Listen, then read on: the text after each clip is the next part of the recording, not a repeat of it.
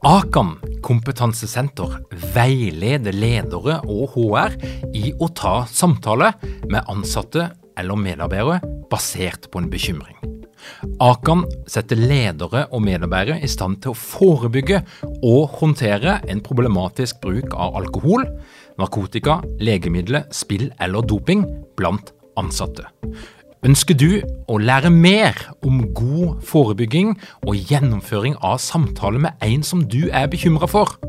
Da kan du nå få tilgang på Akan sitt digitale samtalekurs til spesialpris, kun 760 kroner. Målet med kurset er å gjøre deg tryggere i det som kan være en krevende, men viktig samtale å ta i lederrollen.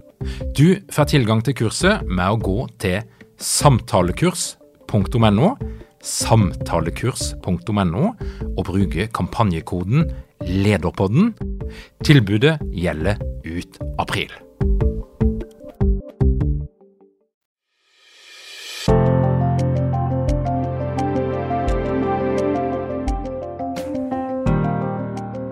Velkommen til Lederpodden.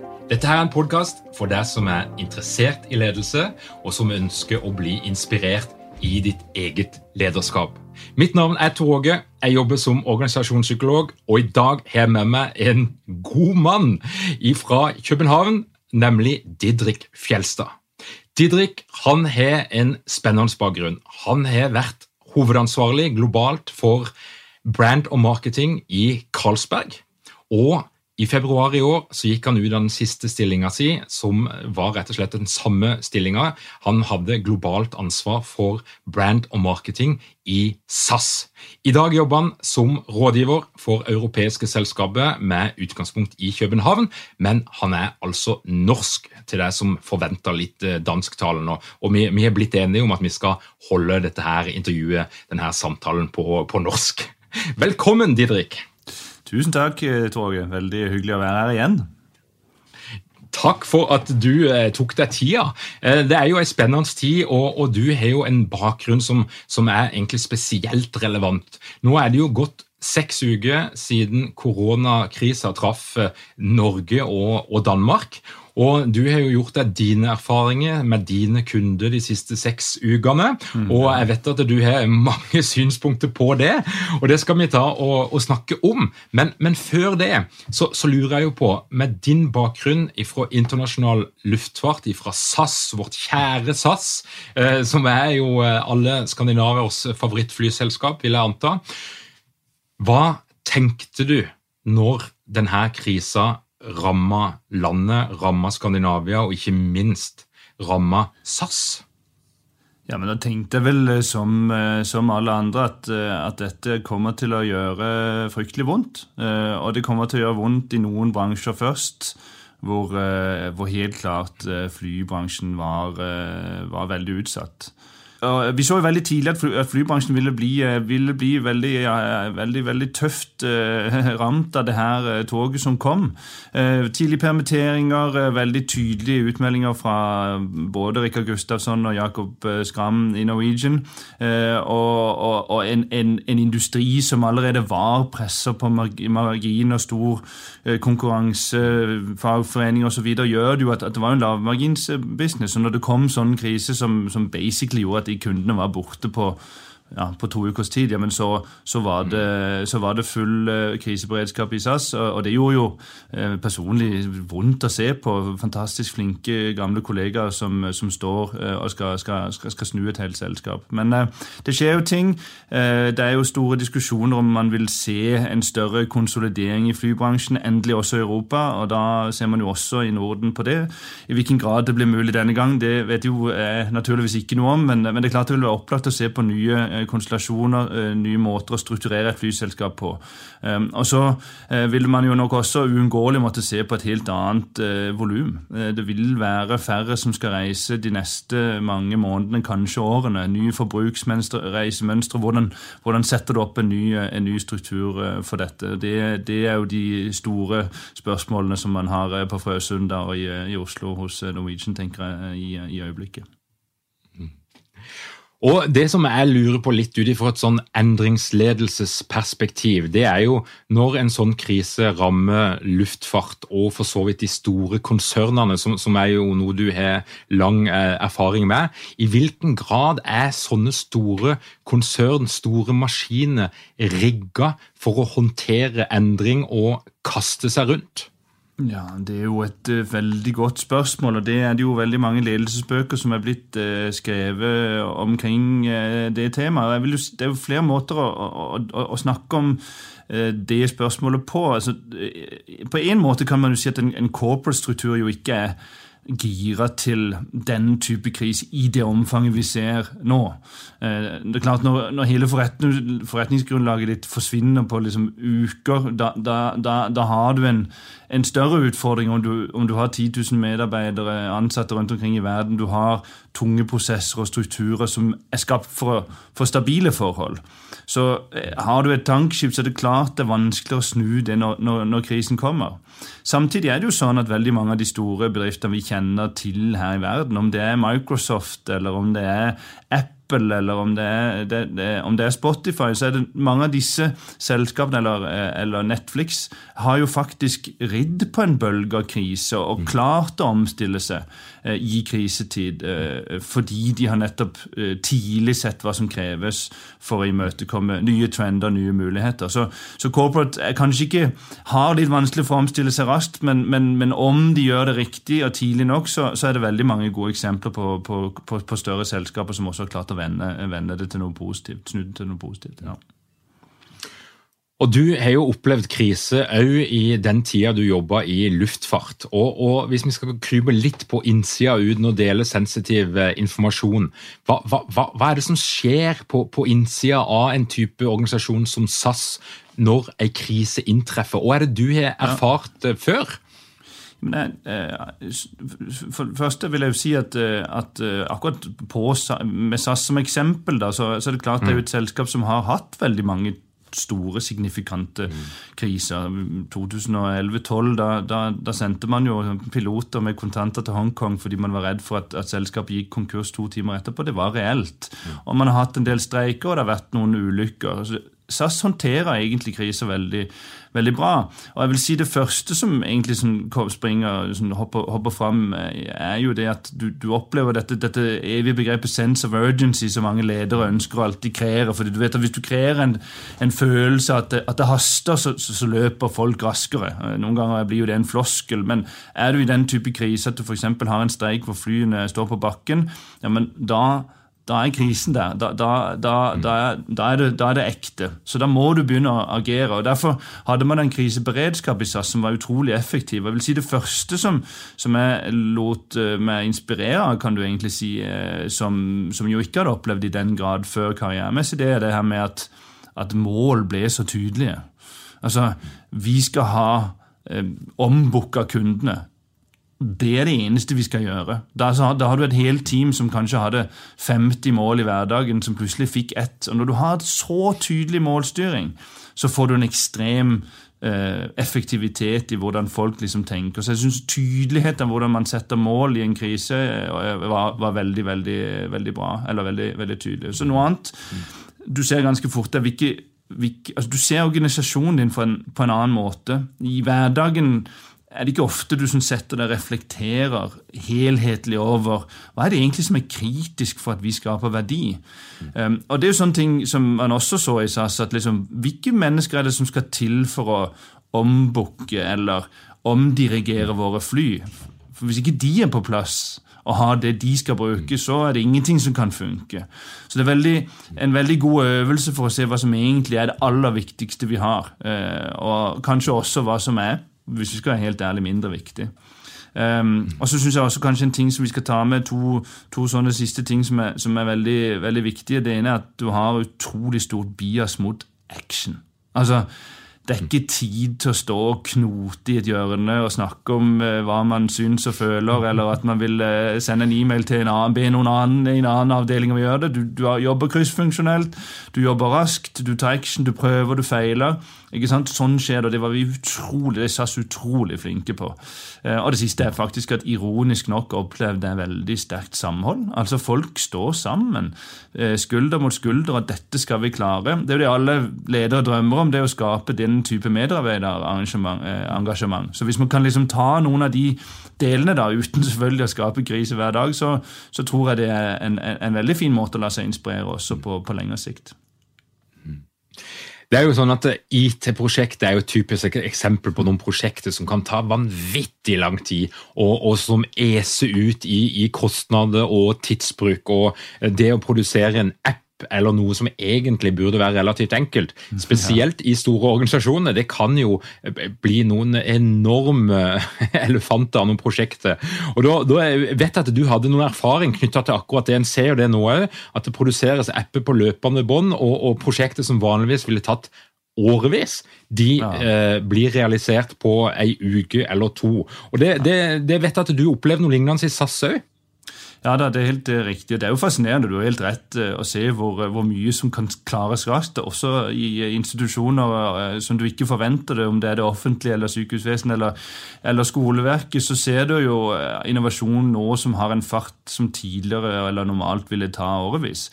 Og Det er jo klart, det, det kan man forstå i, i, kontekst av krisen, men jeg tror et riktig spørsmål å stille seg er jo nettopp hvordan kan man, kan man, kan man gjøre det her i ettertid. Det vi opplevde helt spesifikt og som du, som du, nevner, er at eh, vi hadde, apropos tydelige mål, så var et av de å redusere køen i kundeservice når det er streik. Du kan forestille deg når, eh, når alle fly i SAS står over hele verden. ja, men da er det et par mennesker som kan tenke seg å få tak i, eh, i kundeservice. Og uansett om du har ja, veldig mange tusen ansatte, det hadde vi ikke, men så er det helt umulig å svare på. Så vi skulle få ned køen i kundeservice, og da var det en faktisk i, i, i marketingteamet som jeg var ansvarlig for, som som, tok den saken i egne hånd, og på, på, timer fikk utviklet en bot som kunne svare automatisk på noen av de spørsmålene de fleste hadde, hvilket ble gjort utenfor den normale liksom, eh, release trains, heter det, eller eh, ja, release-planen til, til, IT. Og Det var det jo en grunn til, kan man si. Den, jo, den, den tjenesten hadde vi hatt lyst til å lansere i mange ja, måneder før, men kanskje til og med år. Men den lå for langt nede i, i, køen, og nå, nå, nå kom den, og den ble løst på en litt raskere måte. Ikke kanskje 100 eh, svar på alle de behovene vi hadde, men til formålet var det, eh, var det genialt. Så det vitner litt om mm. igjen, det, hva er det beste vi kan ta med fra det. Og Det, det, det, det finnes jo mye rundt uh, digital transformasjons uh, filosofi, som, som, kan hjelpe oss med å forstå. F.eks. For noe så enkelt som å kunsten å bryte ned disse store Du, du refererer til IT-prosjekter, er jo ofte fryktelig store. Det er klart, det er infrastruktur, alle avdelinger er involvert, hele kundereiser. Det er jo ikke merkelig. Mm. Men kunsten er jo ofte å, å bryte det ned. Uh, bryte det ned. Tenke helhet, det er det første. Det må du gjøre. Hvor skal vi hen? Hele infrastrukturen. Og så bryte ned så godt du kan, sånn at du hele tiden kan levere ut mot det som krever, eh, skaper verdi for, eh, for, for butikken din eller for kunden. Ofte ofte skulle det gjerne være begge de to. Mm. Og jeg vet Det er et begrep som du er glad i, for du skrev en, en del om dette. her, og, og, det er agilt lederskap. Didrik, gi oss en, en, en kort definisjon. ja, det, det, er jo Jeg ler jo av det for, fordi du, du, du, også insinuerer litt at, at, at, begrepet i sin egen kraft kan jo være litt um, litt uh, fargerikt. Og ofte er det jo sånn med, med, med sånne litt konsulentbegreper eller marketingbegreper at de kan, mm. de, kan, de kan, bli veldig fluffy. ikke sant? Fordi nå skal vi um, ofte si Det hører dere jo mye som, som jobber mye med, med, med kriseledelse, blant annet. Altså, vi skal være mer agile, vi skal være raskere. Hvem har ikke villet det, liksom? Eh, ofte sier man også at vi skal liksom eh, vi skal, vi, Agilitet betyr samarbeid, så vi skal bare samarbeide mer. Og, altså, det som egentlig, Hvis jeg skal prøve å bryte ned hva jeg, hva jeg mener hva, og det, Dette er det jo skrevet bøker om, så, så, så, jeg vet ikke om mitt svar er det som er det riktige eller fasiten, men det er i hvert fall hvordan jeg vil oversette det. Det første er at agilitet det skaper fokus på å skape verdi for to ting, og det er kunder og din bedrift. Så det er det første. Du, du, du skaper en forutsetning for å skape mest mulig verdi for kundene dine og for forretningen din. Den andre, den andre det, Unnskyld. Bieffekten er at du blir raskere. Agilitet skaper hurtighet, større omskiftelighet eh, og eh, og en større eh, struktur for samarbeidet. Og med struktur mener jeg samarbeidet i, i, i, hverdagen eller i vennskaper eller familie. Det handler om god vilje, og vi kjenner hverandre og vi har lyst til å uh, yte hverandre noe godt. liksom. Men agil i agil transformasjon vil samarbeidet bety at du setter en struktur som gjør at det er umulig å komme med hva du synes fordi du synes en farge er feil, eller du, tar en du overstyrer en beslutning som noen andre har tatt for, som har mandatet mot kunden um, eh, osv. Du, du, du, du, sletter alle disse mellomlagene et, eh, i forhold til å ta en, en, riktig beslutning i forhold til kunde og bedrift. Um, så, så, så, det er en, en, en ekstremt viktig forutsetning og eh, et, et, viktig output av det å være agil.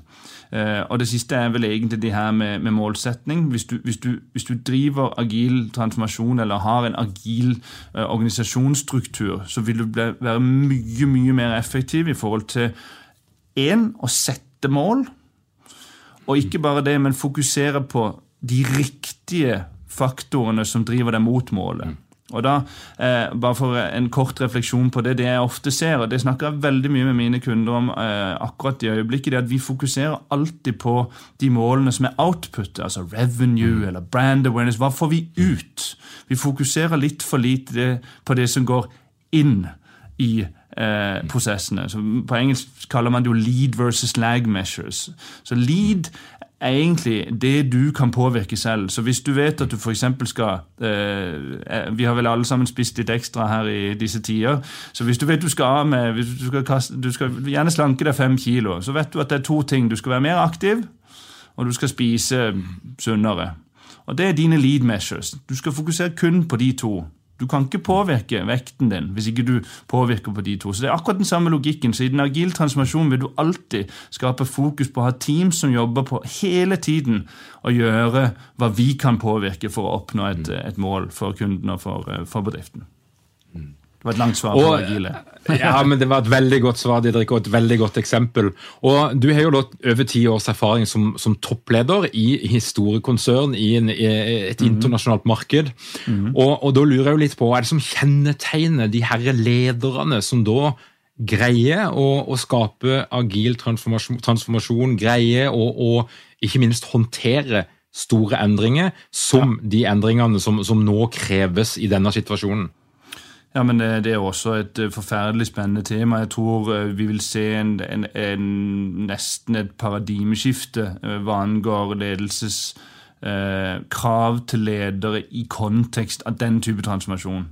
Men, mm. men, jeg vil si fra min side hva, hva, hva, jeg, hva, jeg, ser og hva jeg kanskje selv har opplevd, har vært hva som har gjort det Uh, altså, vært det mest suksessfulle uh, for å drive ting frem, har vært for det første, og kanskje faktisk det viktigste, det å være upretensiøs.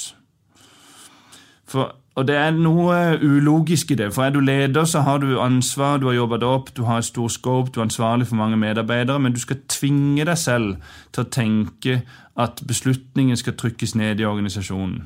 Og Det betyr at du i prinsippet gir fra deg makt, hvis du vil velge å se det på den måten. Du, du, du gir fra deg beslutninger.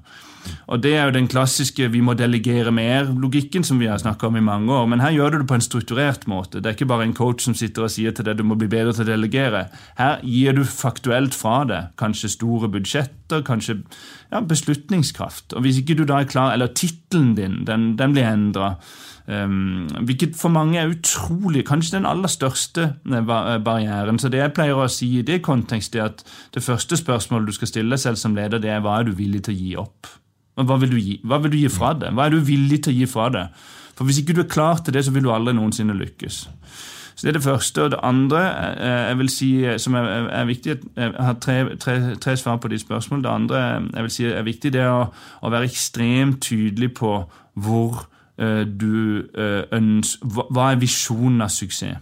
Altså, Hvorfor i all verden gjør vi det her? Og Det er jo også et gammelt ledelsestriks at man liksom viser hvor står vi hen om tre år. Men jeg mener ikke her at man skal vise den klassiske eh, grafen som viser første år så skal vi det, og så skal vi, nå, så skal vi tjene så mye penger, så skal vi tjene så mye penger. Nei. Du skal fokusere på den enkelte medarbeider. Du skal fokusere på hva er det vi kan stå og være stolte av når vi har gjort det her. Hvor raske blir vi? Hvor attraktive blir vi for nye jobber? Eh, hvor, hvor, hvor, mange i en marketingverden hvor mange eh, awards vinner vi? Kreative awards? Hvor stor en forskjell kan vi gjøre i samfunnet? Så Vær, god, vær bedre på å visualisere hvorfor vi gjør det, og det svaret kan ikke bare være penger. Og det siste når du har gjort alt dette, og, du har gjort opp med deg selv, du er klar, du har visualisert for teamet, så sett en struktur for hvordan du skaper transformasjon. For det er ikke nok å si ja, da er vi enige om det. Da, liksom, eh, da, går dere ut og fikser det, og så går jeg tilbake og holder tre mm. timers møter, sånn som jeg gjorde i går. Nei, the fish always stinks from the head. Hvis du som leder ikke går og endrer atferd i morgen, gjør ting annerledes, setter en struktur i din hverdag for hele teamet, så vil du aldri kunne lykkes med å gjøre om på hele måten eh, organisasjonen agerer på. Didrik, eh, jeg har jo utfordra litt på det som gjelder framtida. Og, og, ja, det er mange virksomheter nå som faktisk opplever å ikke ha noen framtid. De har permittert, de har sagt opp folk, de, de, noen er konkurs. Og de skal vi ha den, den dypeste medfølelse for og, og, og, ta på alvor den situasjonen. Men så vet vi òg at akkurat nå så finnes det virksomheter som har muligheter, og noen av de ser mulighetene. Noen burde se mulighetene, og der er det et eh, stort skille. Og Jeg utfordrer deg på, på egentlig litt det som du har lært og sett de siste seks ukene. og Så har du med deg masse erfaring fra før. og Jeg utfordrer deg faktisk på hele fem punkter som, som, som du vil gi som et råd eh, som er basert på din erfaring og det du har sett de siste seks ukene. Mm. Og Hvis vi skal prøve å koke det ned litt, og, og er det du vil komme med som de viktigste læringspunktene? Ja, det, jeg vil gjerne, gjerne, Vi kan jo gå gjennom de eh, fem, eh, eh, hvis, hvis, vi, hvis vi, kan kondensere det litt. Men altså, jeg vil, jeg vil igjen, en, en, en, initiell ting jeg gjerne vil si, er egentlig at det er jo ufattelig ufattelig mye eh, som blir skrevet og sagt og synes i denne tida. Så å kondensere til noe er egentlig veldig veldig vanskelig for veldig mange. Så, nå, så vil egentlig et initielt råd er egentlig prøve å lytt til denne type session som, som, du er god til å fasilitere, eller andre ledere du, du stoler på. Kondenser til de punktene du følger, og så gå etter det. For problemet er hele tiden det, går, det kommer hele tiden noe nytt. Uh, så, så, så, det, så, det, skal vi være varsomme med, for vi blir forvirra, vi mister fokus. Men altså de fem tingene som jeg har tatt med meg, da, det, er, det første er at, uh, at uh, det, handler om hvordan vi skal se varemerket. Jeg har sagt at vi skal, jeg skal sånn litt, jeg kan prøve å si punktene som som, men det krever litt forklaring, men eh, vi skal fortsette med å spille piano, men vi skal gjøre det melodisk. Og med piano mener jeg spille på følelser. Det må du forklare litt. det. Ja. Jeg, skal, jeg, skal, forklare det skal, ja, Vi kan ta en av gangen, da. Så Det er det første.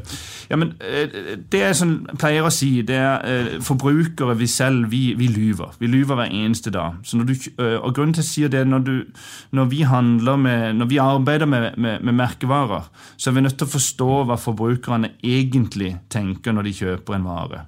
Og Saken er den at det er påvist i årevis, i generasjoner av gode markedsførere, at det er ikke den rasjonelle grunnen til å kjøpe en kjøkkenkniv som gjør at du betaler 1000 kroner for den. Det er ikke fordi den er skarp eller fordi den kommer fra Japan, det er fordi du vil framstå som en konnoissør eller som en som er god til å lage mat. Så at vi klarer å påvirke som markedsfører emosjonelle drivkrafter, er en Er ikke mange ledere uten trening eller utdannelse innen ledelse? Mangler dykken en felles kultur og praksis for ledelse? Ønsker dykken å være bedre rustet for fremtidig vekst og endring? Da kan et internt lederutviklingsprogram være en god investering. I Execu så er vi eksperter på å designe og gjennomføre bedriftsinterne lederutviklingsprogram. Hvis du ønsker å lære mer om hvordan vi kan hjelpe dykken til å få enda bedre ledere, ta og klikk deg inn på execu.no.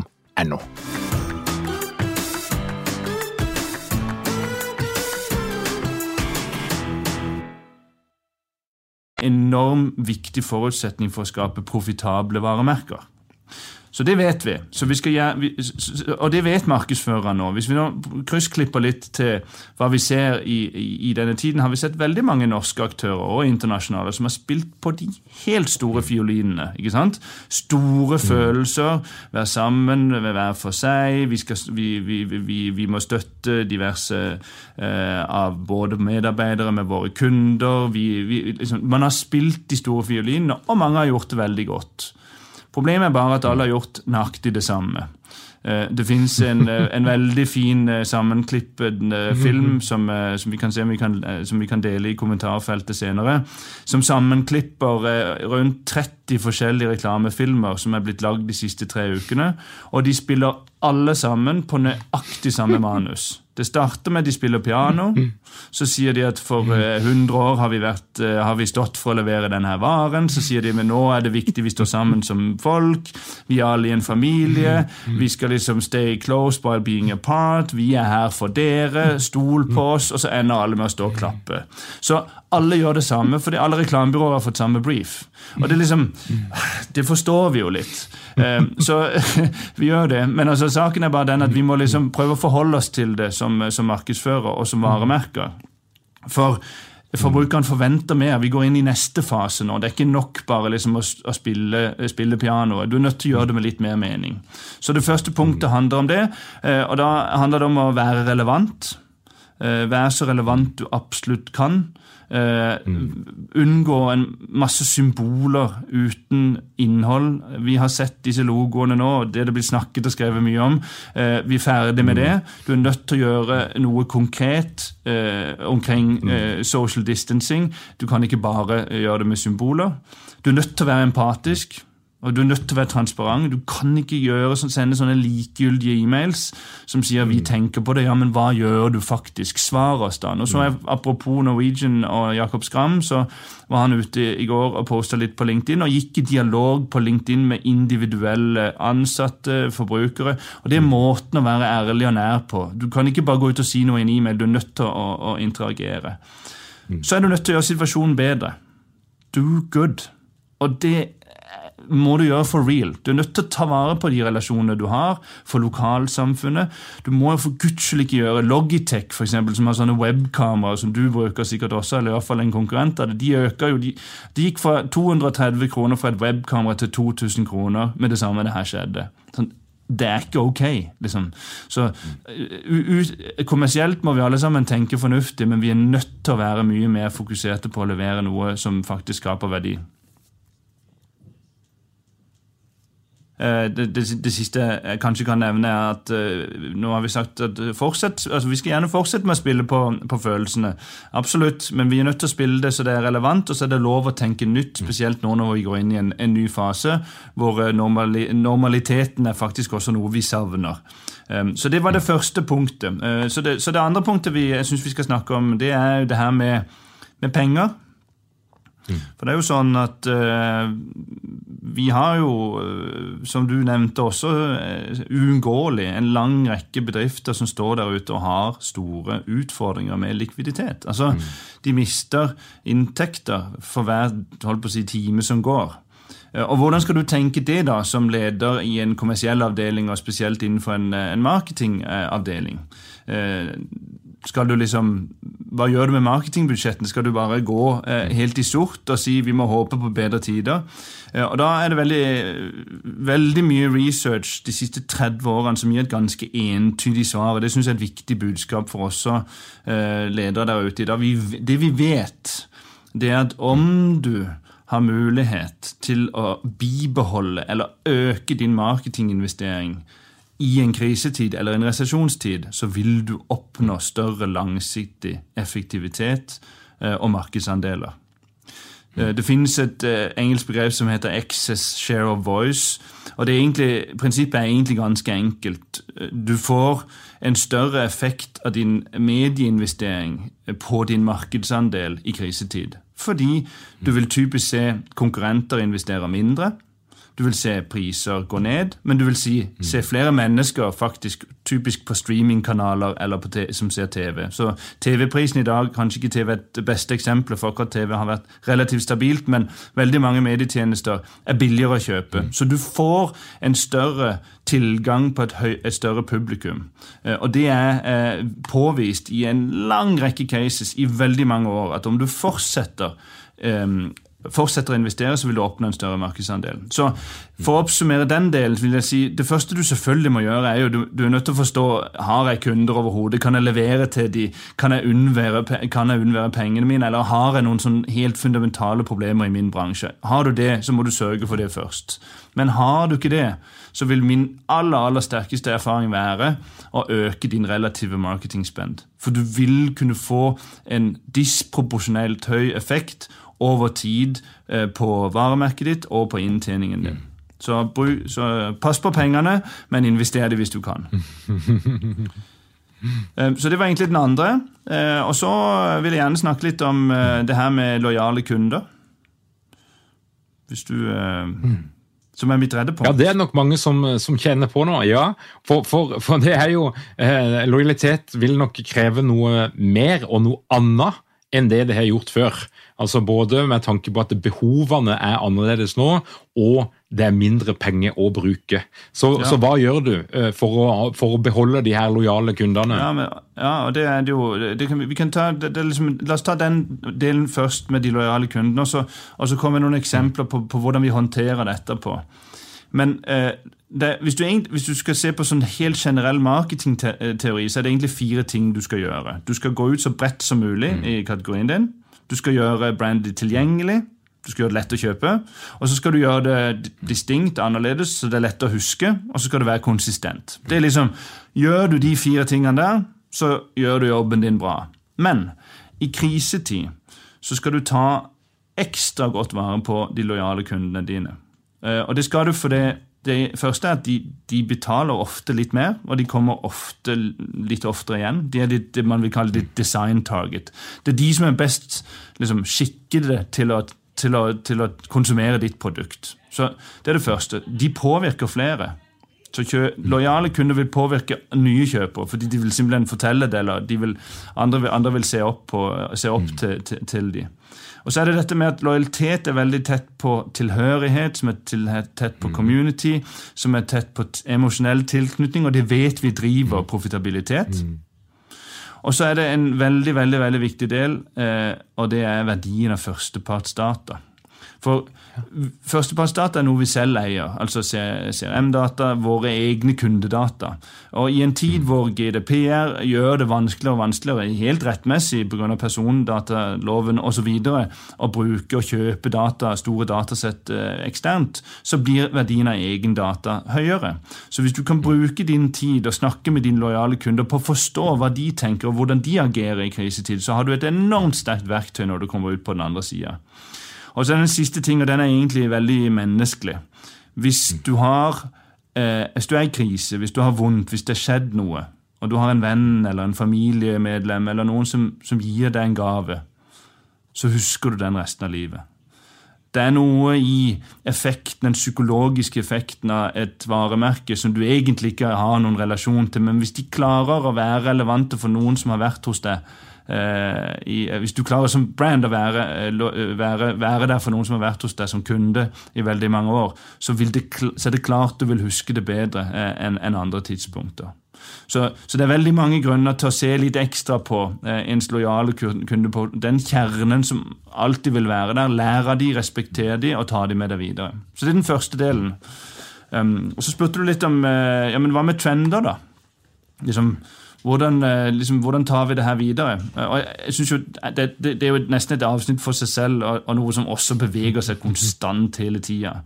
Mm. Um, men jeg syns jo jeg synes For det første, hvis jeg kan gå til hva, hva jeg vil sånn, rådgi til, så, så, så, er det første at du er nødt til å ha fingeren på pulsen i din bransje. For det er veldig mye generisk rundt omkring eh, på hva som skjer, og veldig mange forstår seg på det. Men, men forstå din bransje, og, og, og track det.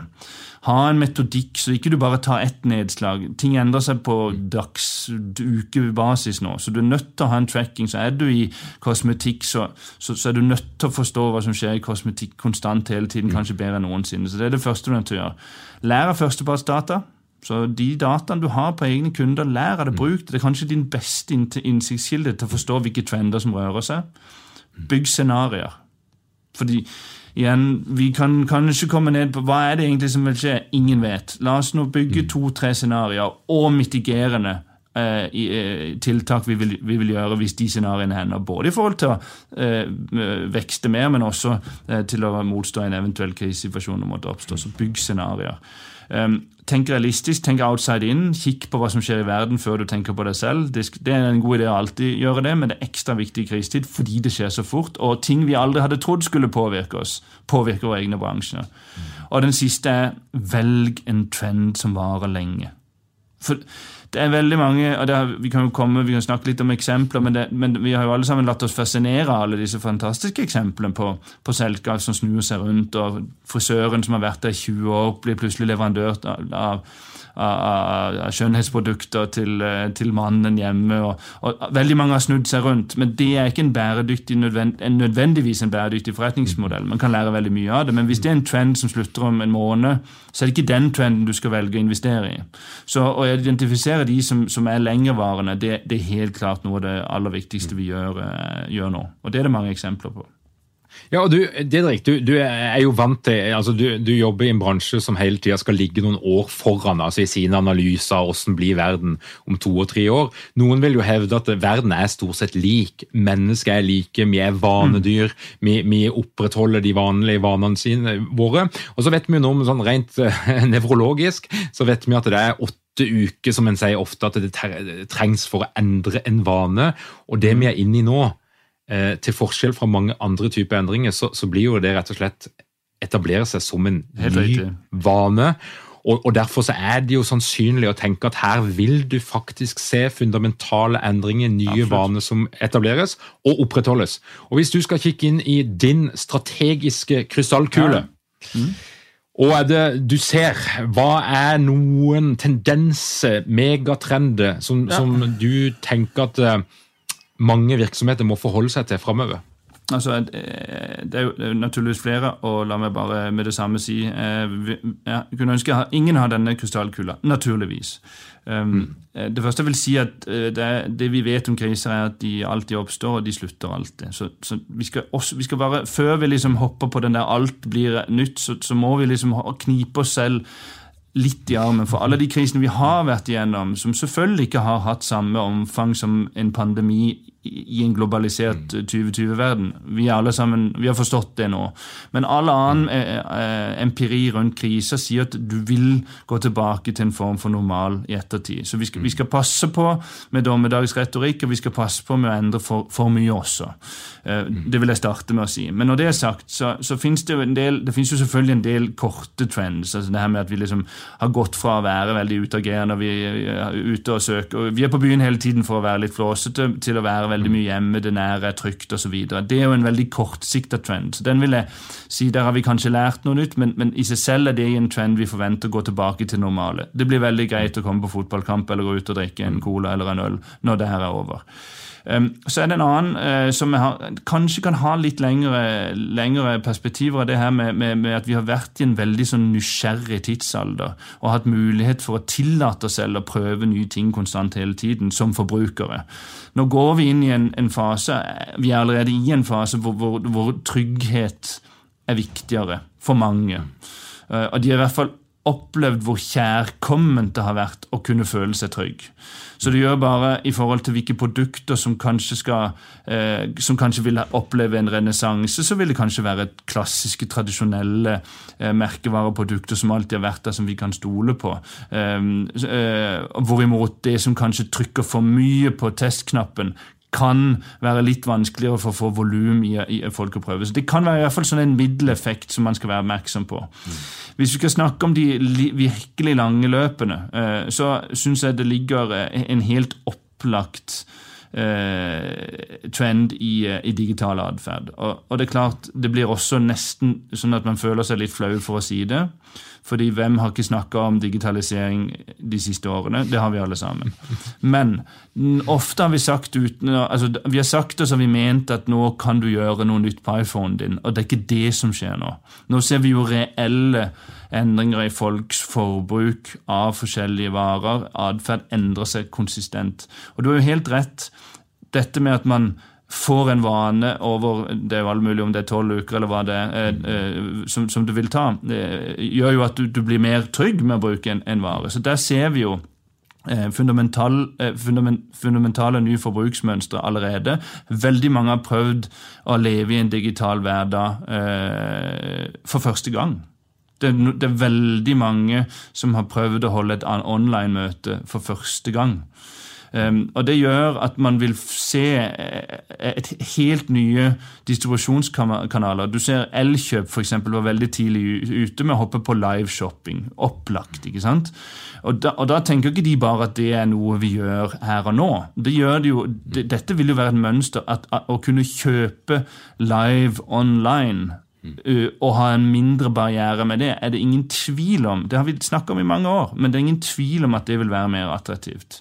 Vi ser interaksjon, all form for interaksjonsapper, naturligvis online-møter, men bare sånne ting som quiz-apper, som også foregår live, er plutselig blitt en mye mer naturlig del. Man møtes i store grupper, flere tusen, og gjør quiz online, eh, hvilket er helt klart en trend man skal ta med seg. Eh, tenk på alt som skjer i forhold til eh, streaming av livekonserter. Man omdefinerer det å være på museum, en klassisk bransje som din egen. Psykolo og det finnes jo studier, Før krisen er det jo mange studier som har påvist at psykologirådgivning eh, eller, eller, behandling kan være like effektiv online som face to face. Mm. Problemet er bare vi har har alltid hatt en, en, tilgang til den bransjen som er en som man skal gjøre face to face. Nå må man prøve det, og så har man jo sett flere og flere psykologer faktisk ha suksess med uh, å, å, å, drive sin business online. Så uh, den, det skiftet det er ikke lenger bare en powerpoint eller et ord, det, det, det, det er liksom uh, realiteten. Um, så er det kanskje en, kan, men, en annen, men en annen trend som jeg synes som, som blir viktig, hvis vi skal trekke litt um, på igjen, for å nevne SAS igjen. så nå, nå, skal ikke jeg sitte og late som jeg vet uh, hvor mye innsikt de har i reisemarkedet, men det jeg kan si, uh, som er fundamentalt uh, en sannhet, er at reisemønstre vil, vil endre seg. Mm. Både hvordan man reiser som forretningsfolk, men også i den grad som fritidsreisende. Og Det vil gjelde alle typer, type typer transportforretninger. Og Det gjør at du vil se et helt naturlig skifte fra det globale til det lokale. Eh, og, og, og, det vil du gjøre på veldig mange forskjellige nivåer. Det opplagte er reisebransjen. Jeg syns man har sett veldig, veldig, mye fint. Apropos eh, noen eksempler på hvem som har snudd seg raskt, så har jo Visit Norway lagd flotte filmer som viser egentlig viktigheten av å liksom eh, være, være, hjemme nå, men at vi venter på det, og nå åpner snart landet opp. Så reise lokalt, lokale varer, kortreist mat, mm.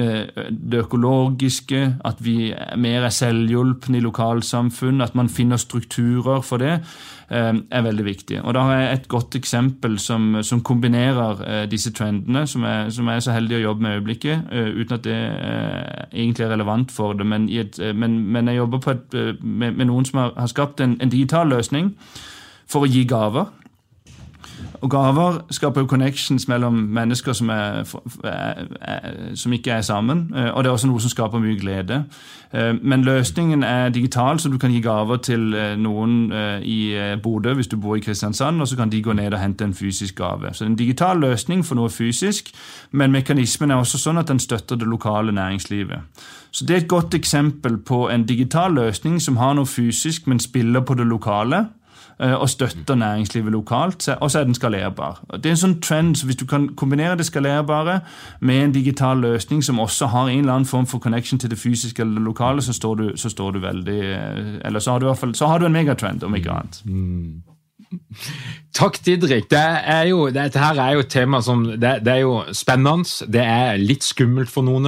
Eh, og, og, det som det i hvert fall er ingen tvil om, det er at driver du en kommersiell virksomhet i dag, så er det mange som må rive ned den strategien de hadde. De må kill your darlings, få det vekk, og så må de rett og slett gå til tegnebordet og tegne om forretningsmodellen sin.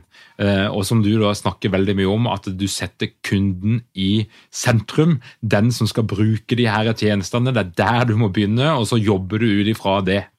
Og, og ehm, eh, Hvis vi ser da på, på, eh, på ok, la oss si flybransjen. Du, du kjenner jo litt prismodellene og du, og du, vet litt om infrastrukturen der. Hva, hva, prisnivået, eh, hvis vi bare skal være litt sånn bare for å, å, å ta det som et lite eksempel. Og snakker vi om prosentvis, hvis du bare skal estimere og putte en finger opp i lufta, hvor dyrt vil det bli å fly rundt i Europa, eh, la oss si 2021 eller 2022? Det tror jeg det er mange Eh, tidligere kollegaer som ville, ville synes var, var useriøst hvis jeg ga et, et tall på hva, hva, jeg tror der. Eh, men jeg tror, jeg tror eh, vi, skal, vi, skal, være forberedt på at, at, det ikke vil være så stor tilgang på destinasjoner. Jeg tror vi skal være forberedt på at det vil helt naturlig, når du har et mindre tilbud, så vil, så vil prisene, i hvert fall i visse geografiske områder, kunne, kunne, øke. Det, det, det, er klart, nå vil jeg jo si, jeg jo, som du selv sier, vært der i mange år. Flypriser har jo hatt en, en, en, lang spiral, nedadgående spiral fordi man har fått nye spillere inn som EasyJet og Ryanair og Norwegian for den saks skyld som har vært med. Og det har vært helt nødvendig i en flybransje som, som egentlig var kanskje litt lat, apropos transformasjon. og det er farlig ord å bruke, men det tok lang tid for de å omstille og være effektive nok. Så, så, egentlig på en måte var jo den omstillingen bra bra positiv. Så jeg tror du vil nok på kort sikt så må vi forvente høyere priser, men, men om de store vi kaller det legacy-selskapene klarer å finne en måte å strukturere sitt samarbeid med andre og omstrukturere deres egen operative modell, så har jeg jo en, både tro og håp på at vi vil kunne, kunne skape eh, en flyfart i, i Nord-Europa som vil være eh, mulig for eh, menigmann også å, å, kjøpe for familien eh, når de skal på tur til Rådås eller, eh, eller Roma. Didrik Fjelstad, tusen takk for at du kom til Lederpodden. Selv takk. Du har nå hørt Lederpodden som presenteres av konsulentselskapet Skagestad pluss Eikerapen. Hvis du ønsker å få hjelp og bistand til å bli enda bedre på ledelse, kultur og samhandling, så kan du sjekke ut våre websider skageike.no.